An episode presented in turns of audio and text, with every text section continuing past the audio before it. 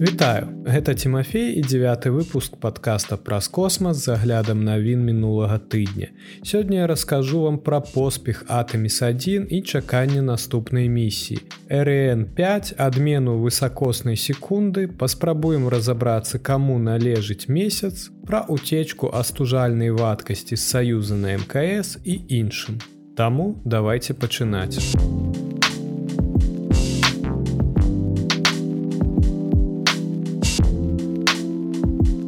наса на сёмым небе ад поспеху выпрабавальнага палёту атоміс1 наса вельмі задаволена тым як прайшла месяцовая місія. Місія атоміс1 завяршылася ў нядзелю днём 11 снежня паспяховым прывадненнем некіравальнай капсулы эрайн у ціхам акіяне прыкладна ў 160 кіламетрах ад узбярэжжа каліфорніі Нягледзячы на тое, што трэба будзе правесці значны аб'ём пасляпалётнага аналізу, NASAа ўжо разглядае 20 з паловай дзённую місію як натхняльны поспех. Я не думаю, што хто-небудзь з нас мог уявіць сабе такую паспяховую місію, сказаў кіраўнік місіі Атэміс Майкл Сарафін падчас брыфінгу пасля прываднення ў нядзелю.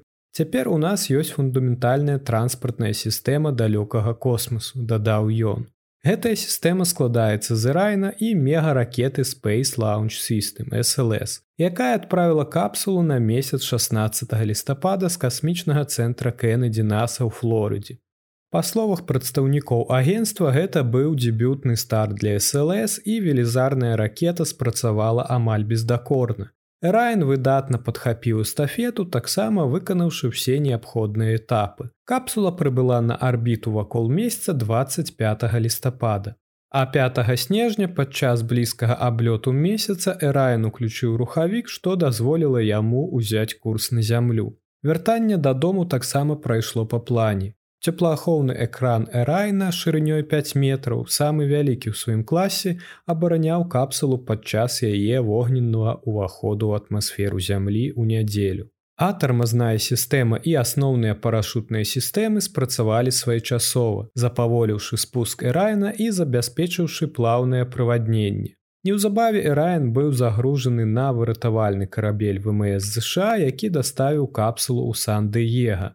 Адтуль касмічны карабель будзе дастаўлены па сушы ў касмічны цэнтр Кеннедзі, дзе ён пройдзе праверку. Наса не вынесе афіцыйнага вердыкту па прыбывальным палёце да таго часу, пакуль гэтая праца і аналіз шырокіх палётных дадзеных эрайна не будуць завершаны. Але улічваючы наколькі гладка ўсё прайшло на атаміс1, выніковая ацэнка хутчэй за ўсё будзе бліскучай. Я думаю, што капсулу і яе выпрабаванні сапраўды перасяглі ўсе чаканні, сказаў дырэктар касмічнага цэнтра Джанет Пятро абырайні падчас брыфінгу. Пасляпалётная праца паслужыць дадатковай інфармацыі аб планах NASAа адносна Атэміс2, які павінен адправіць астранаўта ў дзесяцідзённую місію вакол месяца ў 2024 годзе. Наступны пасля гэтага палёт атэмістры зробіць пасадку каля паўднёвага полюсу месяца ў 2025 ці 2026 годзе. Будучыя місіі ў рамках праграмы NASAа Атэміс дапамогуць пабудаваць даследчую базу ў гэтым рэгіёне, якія клічуцца багаты вадзяным лёдам. Агенцтва хоча, каб гэты аванпост быў гатовы да канца 2020 гадоў і поспех Атэміс1 дазваляе дасягнуць гэтай амбіцыйнай мэты. Сёння ў нас ужо ёсць абсталяванне ў працы над Атэміс5, сказаў падчас нядзельнай прэс-канферэнцыі Джим Фры намеснік адміністратара ўправлення місіі па развіцці даследчых сістэм NASAа. Это не проста адзін рэйс і ўсё гатова, дадаў Фры. Мы знаходзімся на шляху да стварэння базы на месяцы да разумення таго, што нам трэба, каб адправіць на марс і займацца навукай, якая знаходзіцца ў цэнтры нашай праграмы.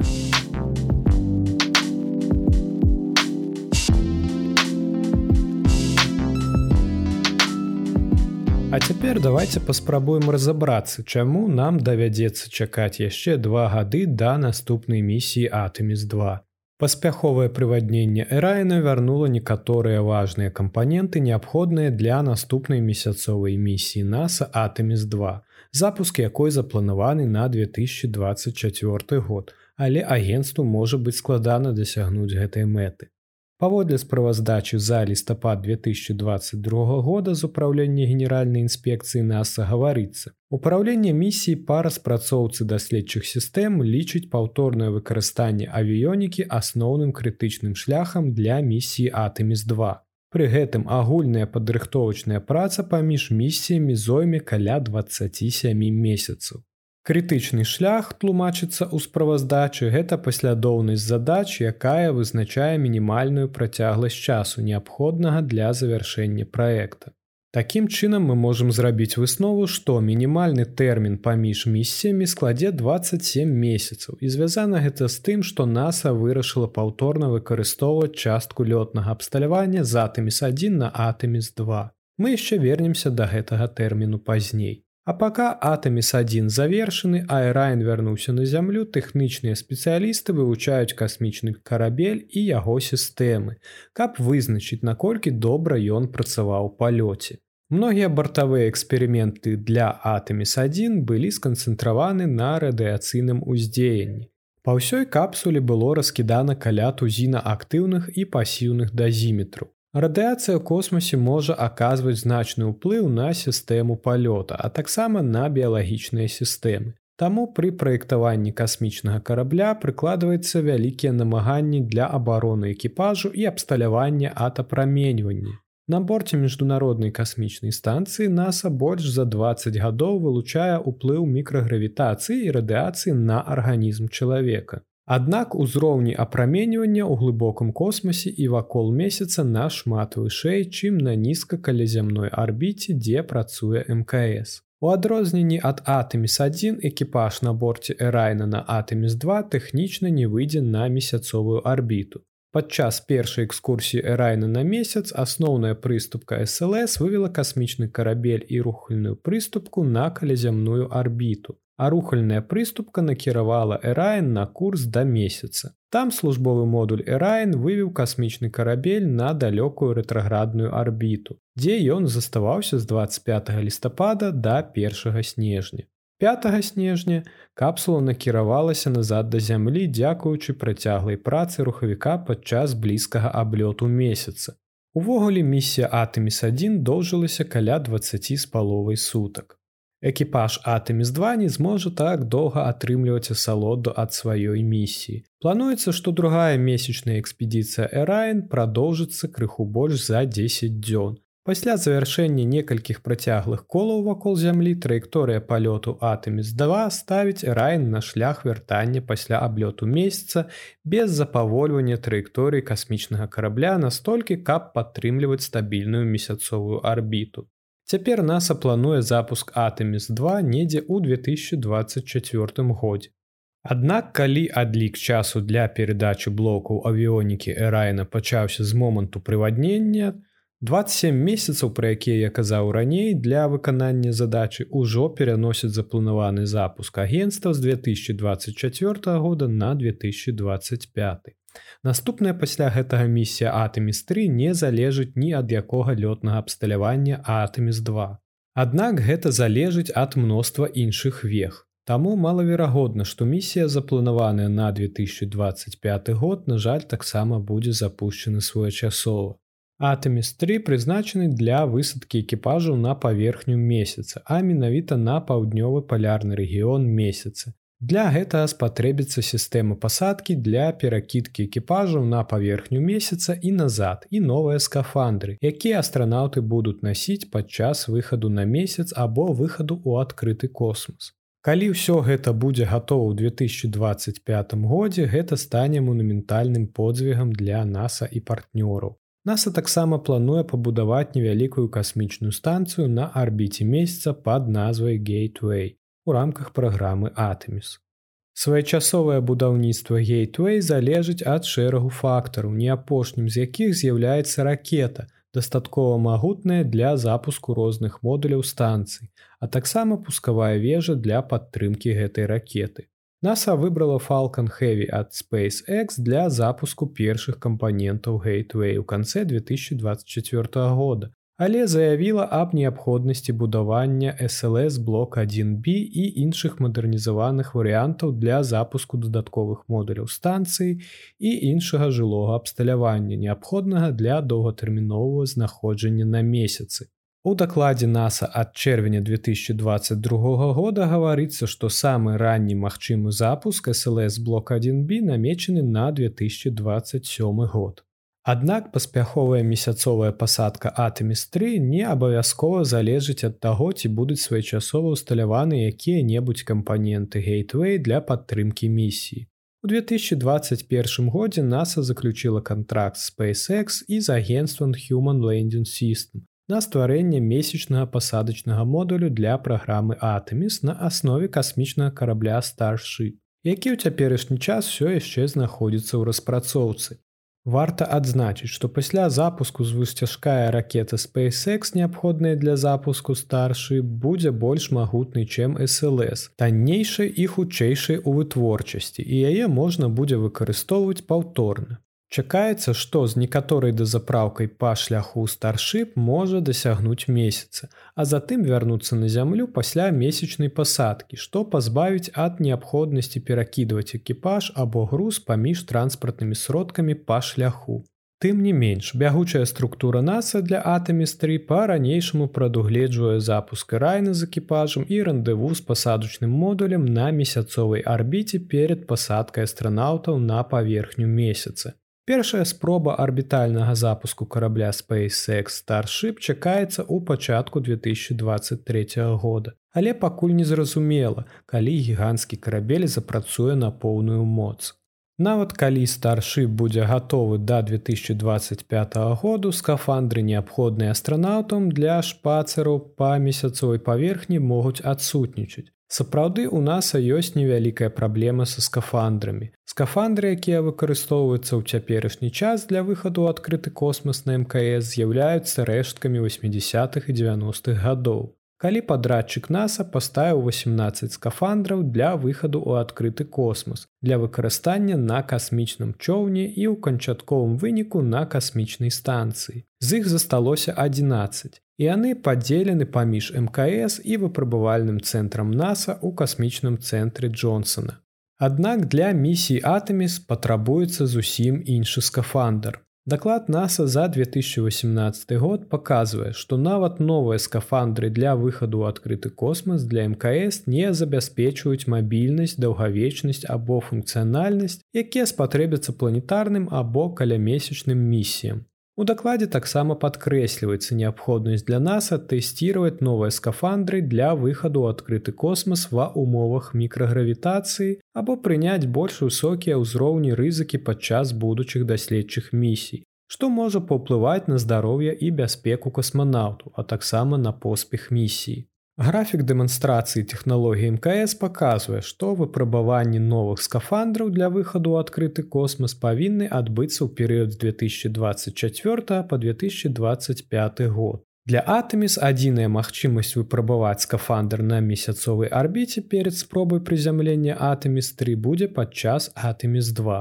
NASAа прыняло рашэнне перадаць намаганні на аутсорсінг каб паскорыць падрыхтоўку скафандраў як для мкс так для эмісій атэміс у чэрвені гэтага года наса запрасіла кампаніі аксіум space і колінс airсpace для распрацоўкі новых скафандраў а ў верасні выбрала аксіум space для прадстаўлення касцюмаў якія астранаўты будуць насіць на паверхні месяца Аксіум таксама імкнецца да 2024 года устанавіць на мкс уласны модуль, які будзе служыць ядром новай прыватнай касмічнай станцыі і ў красавіку гэтага года запусціла AX1, першую з некалькіх запланаваных прыватных місій на мкс. Такім чынам цалкам магчыма, што кампанія магла б выпрабаваць свой скафандр ва умовах мікрагравітацыі. Публічна NASAа па-ранейшаму выказвае упэўненасць у запуску Атэміс2 у 2024 годзе. Але паколькі ўласныя ўнутраныя дакументы агенства гавораць аб адваротным. Змянення гэтага паведамлення можа быць толькі пытаннем часу. Такім чынам на дадзены момант усім, хто быў уражаны выглядам Атэміс1, які пакідае планету ў зянні святла, Прыйдзецца праявіць цярпенне ў чаканні наступнага СЛС, які асветліць неба.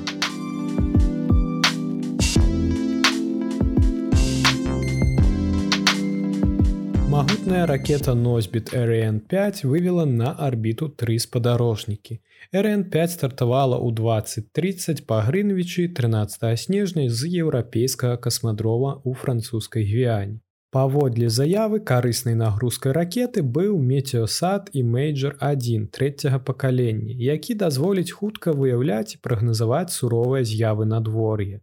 Паводле заявы еўрапейскага касмічнага агенства найноўшае пакаленне гэтага спадарожніка ўключае ў сябе два новыя інструменты. Цеплавізар і сканер маланак для атрымання дадзеных больш высокай якасці для паляпшэння прагназавання надвор'я. РН5 таксама вывела на арбіту геасінхронныя спадарожнікі сувязі Galaxy 35 і Galaxy 36 ад імені Intelsat каб замяніць састарэлыя спадарожнікі кампаніі Galaxy 3C і Galaxy 28 адпаведна. Intelsat абнаўляе свой спадарожнікавы парк з 2020 года і гэтыя спадарожнікі з'яўляюцца пятым і шостым у серыі абнаўленняў. Два спадарожніка галаксі забяспечаць выдзеленыя паўночнаамерыканскія каналы сувязі з вяшчальнымі кампаніямі, што дазволіць ім трансліраваць у прамым эфіры падзеі праграмы, включаючы спартыўныя забаўляльныя і экстранныя навіны, заявілі прадстаўнікі місіі.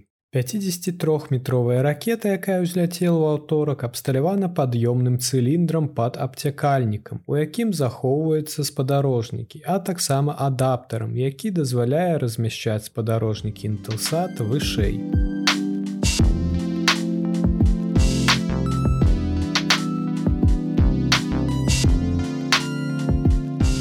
Прыкрую высакосную секунду адменіць да 2035 году. Час скончыўся для дадатковай секунды. На мінулым тыдні міжнародная кааліцыя вучоных і ўрадавых устаноў прагаласавала за адмову ад састарэлай сістэмы хранаметражу, якая афіцыйна перастае дзейнічаць у 2035 годзе. Падобна высакосным гадам высакосныя секунды гэта меру часу, якая перыядычна дадаецца да гадзін, каб кампенсаваць розніцу паміж астранамічным часам, таксама вядомым як кручэнне зямлі і сусветным скаардынаваным часам, які заснаваны на атамных гадзінніках. Паколькі кручэнне зямлі працягвае запавольвацца, яно назапашвае адну хвіліну затрымкі ў кожным стагоддзі і одну гадзіну затрымкі на працягу 5000 гадоў, сказала Патрыцыя Тавела дырэктар аддзела часу. Так была дададзена дадатковая секунда. Упершыню уведзеныя ў 1972 годзе дадатковыя секунды доўгі час былі праклёнам існавання хранаметрыстаў, і ад іх усё часцей патрабавалася адмовіцца. Паколькі цяпер шырока выкарыстоўваюцца тэхналогіі, такія як спадарожнікі, камп'ютарныя сеткі, тэлекамунікацыі і авіяцыя. І яны ўсё часцей патрабуюць дакладнасці ў адліку часу. Пры яе стварэнні 50 гадоў таму да шкалы атамнага часу было дададзена 10 дадатковых секунд. Пададзеных за Нью-Йорк Таймс з тых часоў было зроблена яшчэ 27 даданняў кожны раз, калі дзве сістэмы часу разыходзіліся больш чым на 0,9 секунды. Даданне высакосных секунд стварыла мноства праблем і можа прывесці да тэхнічных цяжкасцяў, якія могуць паўплываць на ўсё, ад фінансавых транзакцый да перадачы энергіі, нават на тое, як астраномы настройваюць свае тэлескопы. Высакосныя секунды могуць быць крыніцай збояў і анамалій у камп'ютарных сістэмах, сказала Тавела. У якасці прыкладу можна разглядзець авіцыйную галіну, якая ў значнай ступені залежыць ад дакладнага хранаметражу пры планаванні маршрутаў палётаў па ўсім свеце. З-за дадатковай секунды у авіякампаній узніклі праблемы з планаваннем рэйсаў за розніцы ў часе, дадала Тавела паколькі розныя вылічальныя сеткі распрацоўвалі свае ўласныя метады дадання дадатковых секунд. Вы можете сутыкнуцца з памылкамі, калі няма міжнароднай синхронізацыі пры прымяненні дадатковай секунды. Тавела таксама сказала, што сярэдні чалавек хутчэй за ўсё не заўважыць змен. І што замест таго, каб штогод дадаваць секунды, новая метадалогія будзе ўключаць налічэнне секунд на працягу стагоддзяў або больш. У любы час, калі ёсць зрушэнне ў одну секунду, мы можам пакінуць гэта. Пакуль яно не складзе хвіліну ці больш, а затым мяняць час кожнае стагоддзя або часцей, сказала Тавела.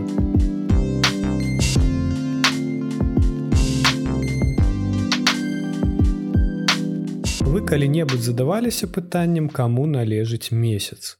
Флагі дзвюх краін развіваюцца не на ветры, а на металічным дроце над пустыннай жахлівай нерухомай паверхняй месяца. Адзін гэта зоркі і палосы злучаных штатаў, іншы чырвоны Китая. Але калі вы спытаеце любога чыноўніка з гэтых краін, ён вам скажа, што гэтыя сцягі не ўяўляюць сабой ніякага маёмаснага дамагання. Яны больш падобны на пазаземныя графіці. Калі ў кастрычніку 1957 года савецкі спадарожнік адзін першы ў свеце штучны спадарожнік пранёсся па небе, перад ім адкрылася зусім новая магчымасць. Некаторыя з гэтых магчымасцяў былі навуковымі, але іншыя былі законнымі. На працягу наступнага дзесяцігоддзя міжнародная супольнасць распрацавала дагавор аб космасе 1967 года. Першы ў свеце юрыдычны дакумент, які прама адносіцца да даследавання космасу. Гэты дагавор застаецца найбольш уплывовай часткай касмічнага права, нягледзячы на тое, што яго вельмі цяжка забяспечыць. Гэта не кодекс паводзін, сказала Мішель Хэнлон, эксперт па касмічным праве юрыдычнага факультэта універсітэта Місісіпі. Это ўсяго толькі рэкамендацыі і прынцыпы. Нягледзячы на адсутнасць прымусу да выканання дагавор выразна паказвае на краіны, якія займаюцца захопам зямлі ў космосе. Другі артыкул дамовы прама выключае магчымасць таго, што краіна можа прэтэндаваць на валоданне часткамі космосу або любымі нябеснымі целамі. Дзяржава не можа прэтэндаваць на суверэніцет на месяцы і кропка, сказала Хэнланд. Але калі справа даходзіць да будаўніцтва такіх збудаванняў як база і жыллё на месяцовым грунце па словах Хэнлан, усё становіцца яшчэ больш змрочным. Усеагульная дэкларацыя правоў, якая пануе ў космосе ў адпаведнасці з артыкулам 3 дагавору аб космосе абвяшчае, што людзі маюць фундаментальнае права на ўласнасць. Это азначае, што гіпатэтычна любы чалавек мог пабудаваць дом на месяцы і аб'явіць яго сваім і некалькі чалавек заяўлялі, што валодаюць часткамі месяца. У тым ліку Роберт Коулс, былы старшыня нью-йоркскага планетарыя Хейдена ў амерыканскім музеі натуральнай гісторыі, які ўжо спрабаваў прадаць акры месяца па аднаму даляру за штуку ў 1955 годзе. Аднак артыкул дагавору аб космосе змяшчае палажэнне, якое можа перашкодзіць такой спробе. У ім гаворыцца, што любая установка на іншым нябесным целе павінна быць даступна для ўсіх бакоў. Іншымі словамі сказала Хэнлун ён павінен функцыянаваць як грамадская прастора. Дагавор аб месяцы 1973 года дапамог бы ўзгадаць артыкул 2 з артыкулам 12 устанавіўшы што любы камерцыйны або індывідуальны бок які дзейнічае ў космосе лічыцца часткай краіны свайго паходжання а не незалежным суб'ектам. Але ЗША Кітай і Расія да гэтага часу не ратыфікавалі гэтае пагадненне і таму яно ў значнай ступені лічыцца бяссільным Па меру запуску такіх місій, як праграма NASA Атэміс і сумесны праект кітайскай і расійскай месяцовай базы, касмічным юрыстам, такім як Хэнланд прыйдзецца правесці цяжкую працу па ўзгадненню артыкулу 2 з артыкулам 12. Зусім нядаўна NASAа паспрабавала запоўніць некаторыя прабелы ў касмічным праве з дапамогай Атэміс Акоц, міжнароднай дамовы, якая заклікае згладзіць будучыя даследаванні. Заснаваныя на дагаворы аб космосе пагадненні выкладаюць шэраг неабавязковых прынцыпаў, якія рэгулююць дзейнасць на некалькіх нябесных целах у тым ліку месяцы. Сярод яго палажэнняў прызнанне некаторых месяцовых рэгіёнаў, такіх як месца пасадкі расійскага зонда Луна і сляды Ніла Армстронга ў якасці ахоўнай касмічнай спадчыны. Што характэрна дамовы таксама дазваляюць арганізацыям здабываць і выкарыстоўваць пазаземныя рэсурсы, але не ўсе краіны ў захапленні ад гэтай дамовы. На дадзены момант пагаднення падпісала 21 краіна, Хоць некаторыя буйныя гульцы, у тым ліку Расія адмовіліся на падставе гэтага пункта, які на іх думку дае несправядлівую перавагу інтарэсам амерыканскага бізнесу. Ёсць і іншыя спосабы прэтэндаваць на ўласнасць, фактычна не прэтэндуючы на ўласнасць на месяцы. Напрыклад, выкарыстанне навуковага абсталявання, такога як усюды ходы ці стацыянарныя сейсмометры, якія патэнцыйна могуць ператварыцца ў дэ-факта прэтэнзіі на зямлю. Калі даследчая група забараняе іншым людзям падыходзіць занадта блізка да іх абсталявання. Усё гэта абавязкова стане прававым камянём сутыкнення ў бліжэйшыя некалькі дзесяцігоддзяў.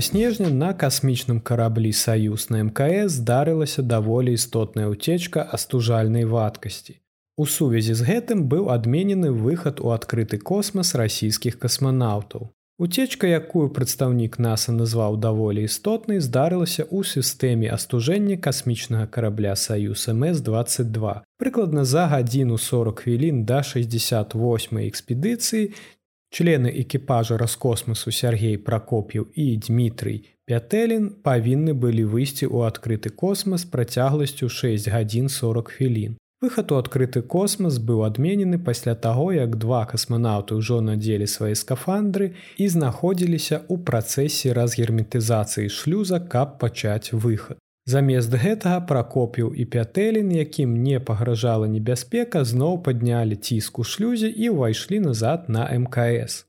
Вонкавыя камеры касмічнай станцыі паказалі бесперапынны струмень замарожаных шматкоў, якія выкідваліся ў космас касмічнага карабля саюз. Дыспетчары супакоілі касманаўтаў, што сама касмічная станцыя ў бяспецы. Аднак уцечка працягвалася не менш як тры гадзіны. Наса спыніла трансляцыю інцыдэнту ў прамым эфіры прыкладна ў 0015 па ўсходнім стандартным часе ў чацвер, абяцаючы абнаўленні праз онлайн-блог агенства і каналы сацыяльных сетак. Расійскі касманаўт Анна Кікіна на борце касмічнай станцыі выкарыстала еўрапейскі рабатызаваны маніпулятар аванпастап на сваім расійскім сегменце, каб аглядзець касмічны карабель Саюз МС-22. На момант запісу падкаста Роскосмос выступіў заявай, што прычынай уцечкі ў Саюз МС-22 магло стаць траплянне мікраметэора ў радыятар карабля. Саюз МС-22 у верасні падвёз пракоп'ева пелевіна і астранаўта NASAа Фрэнка Рубі на МКС. У дадатак да таго тры члены экіпажа плануюць вярнуцца дадому ў сакавіку. Транспартны сродак таксама служыць выратавальнай шлюбкай на выпадак надзвычайнай сітуацыі на борце касмічнай станцыі, якая патрабуе эвакуацыі экіпажа. Гэта быў ужо другі раз, калі расійскім астранаўтам прыйшлося адмяняць свой выхад у адкрыты космас, падчас якога планавалася перамясціць выпраменьваннік з аднаго расійскага модуля на іншы. 24 лістапада яны ўжо рыхтаваліся пакінуць касмічную станцыю, калі была выяўлена праблема з вадзяной помпай на скафандры пракоп'ева. На дадзены момант на міжнароднай касмічнай станцыі знаходзіцца сем членаў экіпажа. У склад экіпажаў уваходзіць тры расійскія касманаўты, тры амерыканскія касманаўты NASAа і адзін японскі астранаўт. У дадатак да касмічнага карабля Саюз МС-22 да касмічнай станцыі прыстыкоўны касмічны карабель SpaceX Crew Dragon.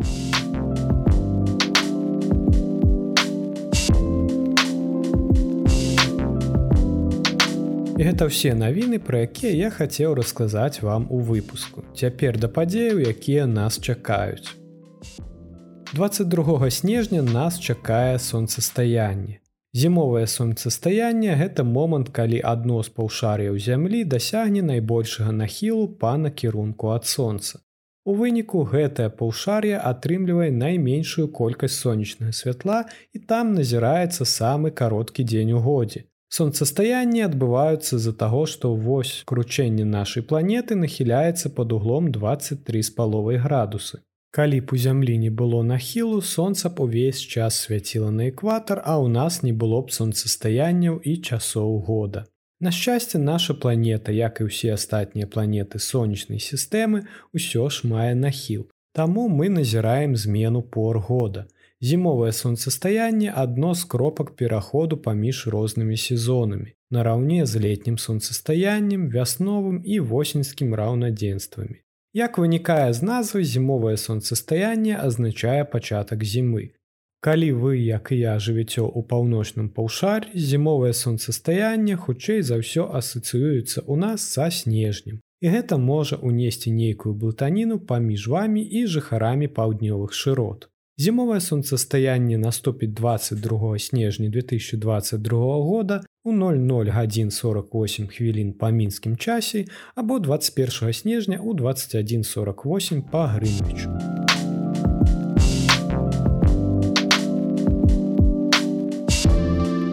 ноч з 21 на 22 снежня штогадовы меторны поток урсіды дасягне свайго максімуму. Па хуткасцю пралёту метэору поток вельмі падобны з гідэмінамі, але па яркасці і частаце яго метэарыты значна слабейшыя. Чакаецца да 10 метэарытаў у гадзіну. Радыянт знаходзіцца недалёка ад паўночнага полюсу у сузор'і малай мядзведзіцы. Умовы назірання урсіту 2022 годзе вельмі спрыяльныя. Месяц, які імкнецца да маладзіка 23 снежня, не перашкодзіць назіраннем назіраць урсіды можна неўзброеным вокам. Это ўсе, на мой погляд, цікавыя падзеі, якія нас чакаюць у бліжэйшы час. Вялікі дзякуй маім патронам і так у мяне ёсць патрыон і вы можете далучыцца і атрымліваць новыя выпускі падкасту крыху раней астатніх і таксама падтрымаць мяне. На гэтым усё дзякуй, што даслухалі да канца, да папачэння пачуемся на наступным тыдні.